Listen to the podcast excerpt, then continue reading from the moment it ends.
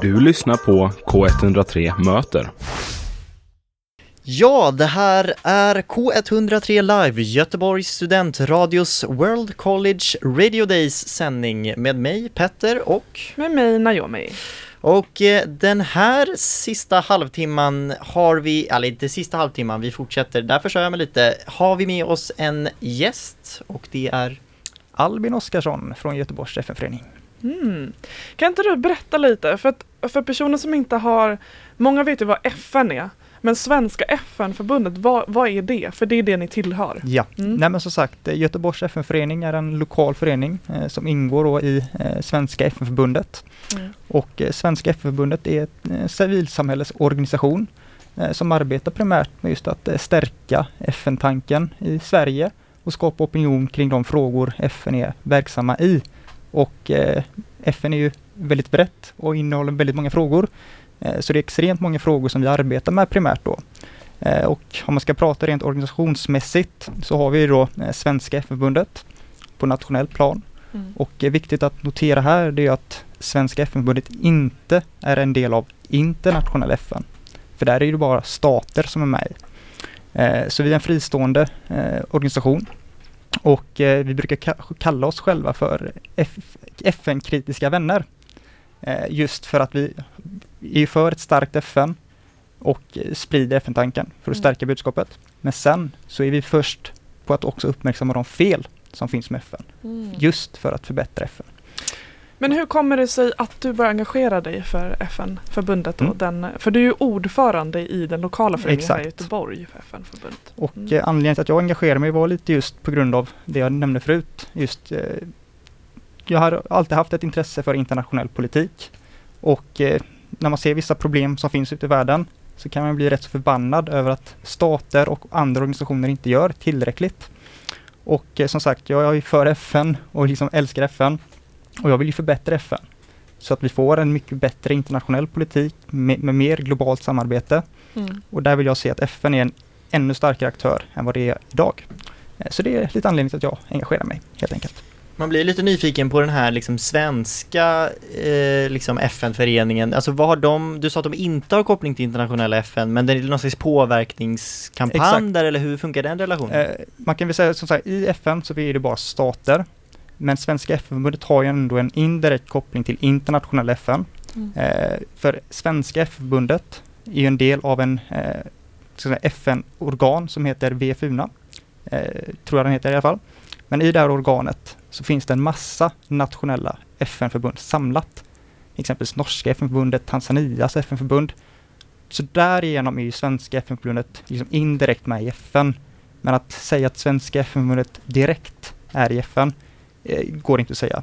Så samarbetarna med andra, alltså då blir det eh, andra länders eh, ja, lokala, eller så här. hur ser det samarbetet ut? Eh, primärt så sker det globala samarbetet Mm. mellan förbunden just på nationell nivå. Mm. Eh, jag vet i alla fall att i Sverige, i Svenska FN-förbundet, vi har Mm. väldigt nära samarbete med just Tanzanias och Georgiens FN-förbund. Har ni projekt där också som ni, ja vad är det Jajamän, för ett, projekt? ett projekt vi har från svenskt håll, där just Svenska FN-förbundet, det är att vi faktiskt skickar studenter till eh, FN-förbunden i Tanzania och i Georgien. Eh, där de får arbeta eh, i deras nationella Så är FN-förbund. det en form av praktik då? Exakt. Mm. Så det eh, kan vara värt att ha koll på som student, att man Mm. faktiskt kan genom Svenska FN-förbundet få praktisera utomlands. Så då hjälper vi varandra helt enkelt med olika typer av projekt som de har i sina länder. Då. Men ni har ju också, det kan man ju lägga till, ni har ju haft olika, ni har liksom under, vad ska man säga, subgroups inom er FN lokala Ja. förening. Vad har ni för grupper? För ni har olika fokusområden. Jag vet att ni har en miljögrupp till exempel. Precis, och i Göteborg eh, FN-förening då har vi då fem stycken fokusgrupper. Mm. Eh, Vi har exempelvis en ungdomssektion Mm. där ungdomar mellan 16 till 26 år kan engagera sig i FN-frågor. Men sen så har vi som du sa en miljögrupp, vi har en fred och säkerhetsgrupp, en genusgrupp och en grupp för mänskliga rättigheter. Och grejen med de här eh, fokusgrupperna, det är att de eh, helt enkelt, som deras namn avslöjar, arrangerar olika typer av projekt utifrån deras valda då, fokusområde. Eh, och vi tycker att de här grupperna är ett väldigt bra sätt att faktiskt få folk att aktivt engagera sig på ett enkelt sätt. Just det. Hur länge har du varit ordförande Eh, eller engagerad i? Eh, Jag kan väl säga som så att jag engagerade mig eh, hösten 2018 i föreningen, i ungdomssektionen då. Och sen 2020 är jag ordförande för hela föreningen. Mm. Och hur ser det ideella engagemanget ut? För jag själv har också engagerat Mm. mig i civilsamhället innan. Och det går ju vågor det här med att vara engagerad för det är ju obetalt arbete på ett sätt. Och man lägger tid på det utöver om man pluggar till exempel eller jobbar. Eh, hur har det sett ut tycker du? Har det liksom stärkts här? Och sen har vi ju en corona som har pågått också. Hur har det påverkat? Mm. Till exempel jag tänker de här fokusgrupperna. Finns de alla kvar nu och så? Eh, Dels vad gäller engagemanget så kan man väl först och främst säga att, eh, och det här gäller i stort sett alla ideella föreningar som finns. Eh, Man kan beskriva det lite som att medlemsengagemanget är lite som en glad mun. För vi har väldigt många ungdomar. Sen så dalar det i vad gäller ålder. Så kommer vi upp då till en eh, högt antal pensionärer, äldre personer. Så vad gäller åldrar och sådant engagemang så är det väldigt en glad mun. Mm. Men sen som du säger så kommer det mycket i vågor. Mm. Och i Göteborg så får vi väldigt många studenter som engagerar sig. Mm. Och eh, det betyder ju fantastiskt kul, eh, för de har ju ett driv och engagemang. Men de eh, engagerar sig bara eh, kanske ett år som eh, Mm. högst. För sen så Mm. ska de iväg på andra äventyr, praktik, plugga utomlands, till Mm. universitet.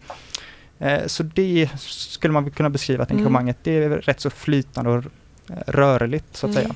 Men det här liksom engagemanget som kommer från folk, alltså hur skulle du säga att den, är det mest att folk är kritiska eller är det bara så här, jag gillar FN och därför vill jag vara med i den här föreningen eller hur liksom, vad har folk för eh, inställning? Du Mm. sa själv att du var förbannad när du satt och kollade på nyheterna kanske, eller jag Ja. vet inte. Ja, precis, det, fin, det, det är här det jag tycker är lite fina med just FN-föreningen och Svenska FN-förbundet, att det är, finns en bredd av olika anledningar till varför folk faktiskt engagerar sig.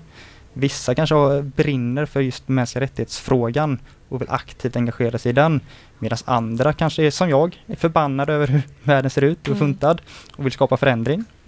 Eh, Så jag skulle säga att det finns en bredd av olika anledningar till varför folk engagerar sig. Och det är, ska jag säga, väldigt lärorikt, för man som sagt, man får ju ett utbyte av varandra. Vad spännande. Vi ska ta en låt alldeles strax, men jag skulle jättegärna vilja höra mer om era projekt också Mm. sen efter låten. Tack Albin. Och vi har ju just nu en intervju med Albin som kommer från FN-föreningen här i Göteborg. Och precis innan vi gick på paus så sa jag att jag gärna ville höra mer om era projekt för jag vet att eftersom ni är lokalförening så har ni olika projekt. Kan inte du berätta om någonting ni gör? Kanske två stycken? Absolut. Eh, då kan jag väl börja med att berätta om ett projekt vi gjorde i våras. Eh, jag tror det var 23 maj. Eh, så arrangerade vi en dag för Ukraina Eh, för att uppmärksamma eh, Rysslands eh, krig mot Ukraina helt enkelt.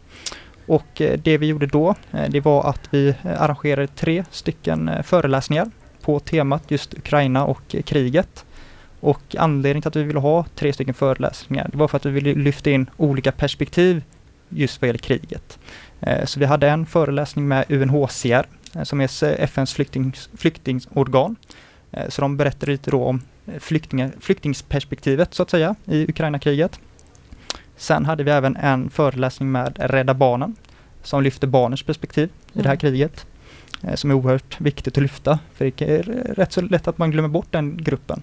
Eh, Och eh, vidare så arrangerar vi då en eh, tredje föreläsning med just fokus på fred och säkerhet. Där en senior rådgivare från Svenska FN-förbundet inom just fred och säkerhetsfrågor kom och föreläste då om dels liksom bakomliggande orsaker till kriget men också just mycket om FNs roll i kriget. Vilka möjligheter som finns och varför FN är eh, begränsad också till att göra vissa saker i kriget. Mm. Det är intressant att du lyfter just med fred, för vi har ju teman här idag som är Voices of Peace, eh, röster eh, från fred. Och det är därför ni är inbjudna här idag, för att FN jobbar ju, det stora FN-organet jobbar ju med eh, fredsbevarande och fredsarbete. Men eh, utifrån det du har lärt dig hittills eh, om Svenska FN-förbundet och det ni gör, hur skulle du kunna koppla era projekt eller hur ser du på diskussionen kring fred och begreppet? Ja, men först och främst just vad gäller vårt arbete med Mm. just fred och säkerhet så arbetar vi på lokal nivå och även på Svenska FN-förbundet Mm. eh, mycket med informationsspridning och opinionsbildning. Mm. Just att lyfta upp frågan så att den diskuteras bland våra politiska makthavare, bland företagsföreträdare och även bland oss i folkmassan så att säga. Se till att frågan ständigt lyfts. Och vad är det viktiga eh, kring då fred, det som ni informerar? Vad, vad vill ni liksom sända ut när ni går till en skola? Vad pratar ni om då? Ja, men det vi pratar om då det är framförallt hur viktigt det är att faktiskt engagera sig för fred och inte ta freden för, eh, ta den för givet. Eh, just Och vad innebär fred då? det, är, det är en rätt svår fråga, men det, är Ja. för det innebär väldigt mycket. Ja. Eh, och det man kan säga just kopplat till FN, det är att många frågor går in i varandra. Och fred, det är att man ska kunna känna trygghet. Det är att man ska vara fri från övergrepp. Man ska inte ha någon, eh, exempelvis en annan stat som bara vandrar in i ett annat land. Mm. Fred, är liksom oerhört mycket, Mm. eh, helt enkelt. Jag tänker det, för att, eh, precis innan du kom så pratade vi med en eh, professor i globala studier just om, om FN-arbete, eh, men också lite kopplat till bistånd och sådana här saker.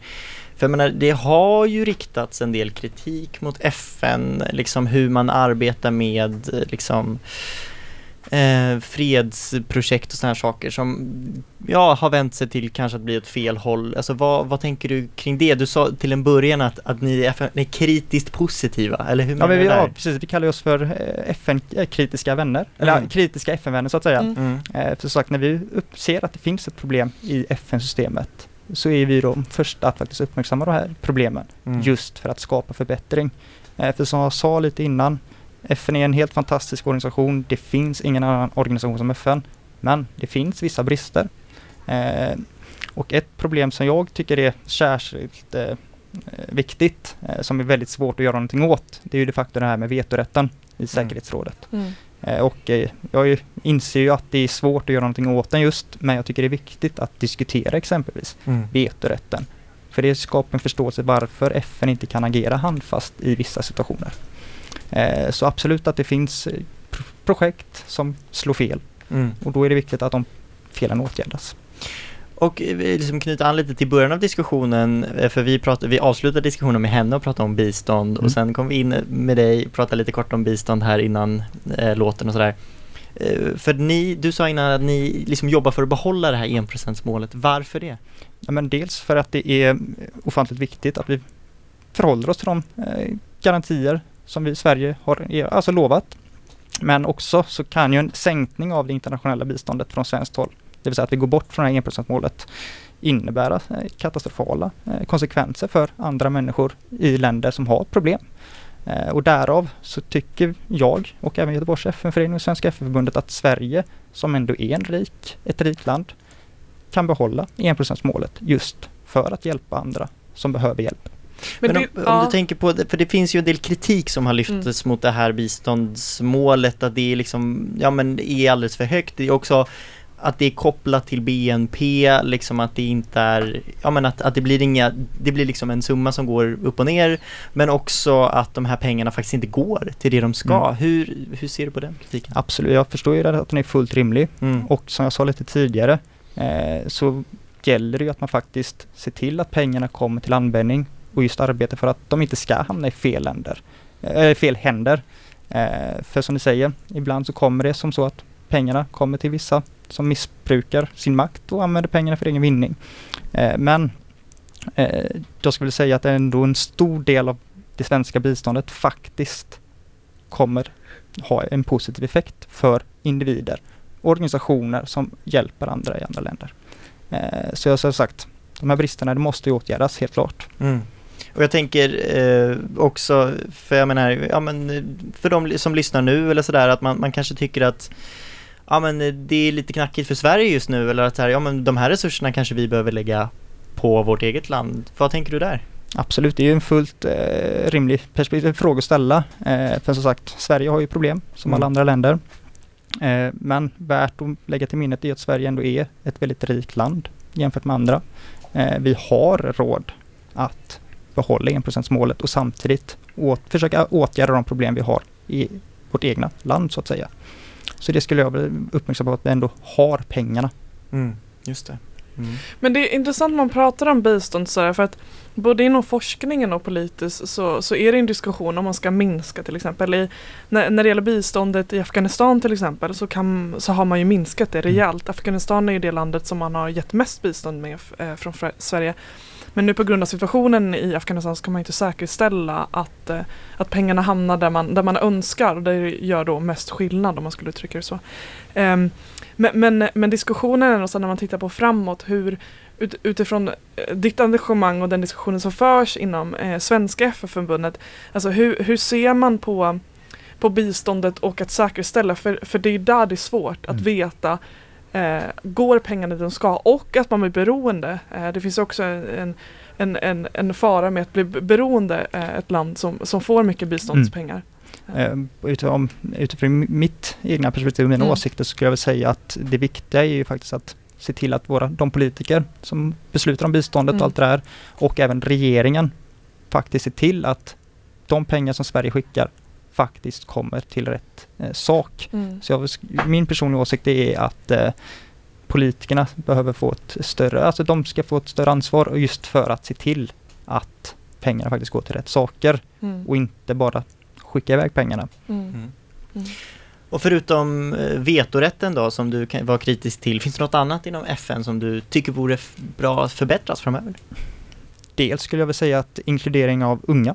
Mm. Eh, jag vet inte om ni har hört talas om att eh, FNs gener- generalsekreterare kom nyligen med en rapport, Our Common Agenda, Mm. eh, där han gav ett rad förslag på hur FN kan förbättras. Mm. Och där lyfter han, och jag tycker det är jättebra att han lyfter det här faktiskt, att inkluderingen av unga måste bli starkare inom FN. Och även, något som är väldigt spännande med rapporten, det är att även hänsynstagande till framtida generationer bör ta en större plats inom FN-systemet. Mm. Eh, För det tycker man inte att det görs. Och gäller det då röster eller gäller det själva arbetet i sig? Det Eh, vad- gäller både och, men Ja. framförallt i den här rapporten så är det primärt just deltagandet, Ah. just med unga, att de ska inkluderas i FN-arbetet, Mm. också i beslutsfattandet. Eh, för som sagt, eh, det är ju dagens ungdomar, ungdom, ja, dagens ungdomliga eh, generation som kommer få ta, hantera konsekvenserna av exempelvis klimatkrisen. Mm. Eh, så då är det bra om ungdomar faktiskt redan nu får ett större eh, deltagande i FN. Mm. Ungdomar ska engagera sig. Eh, jag tänker slutligen, om man lyssnar på det här nu och känner wow, det här med FN-föreningen, det låter ju svin-nice. Hur, hur gör man då?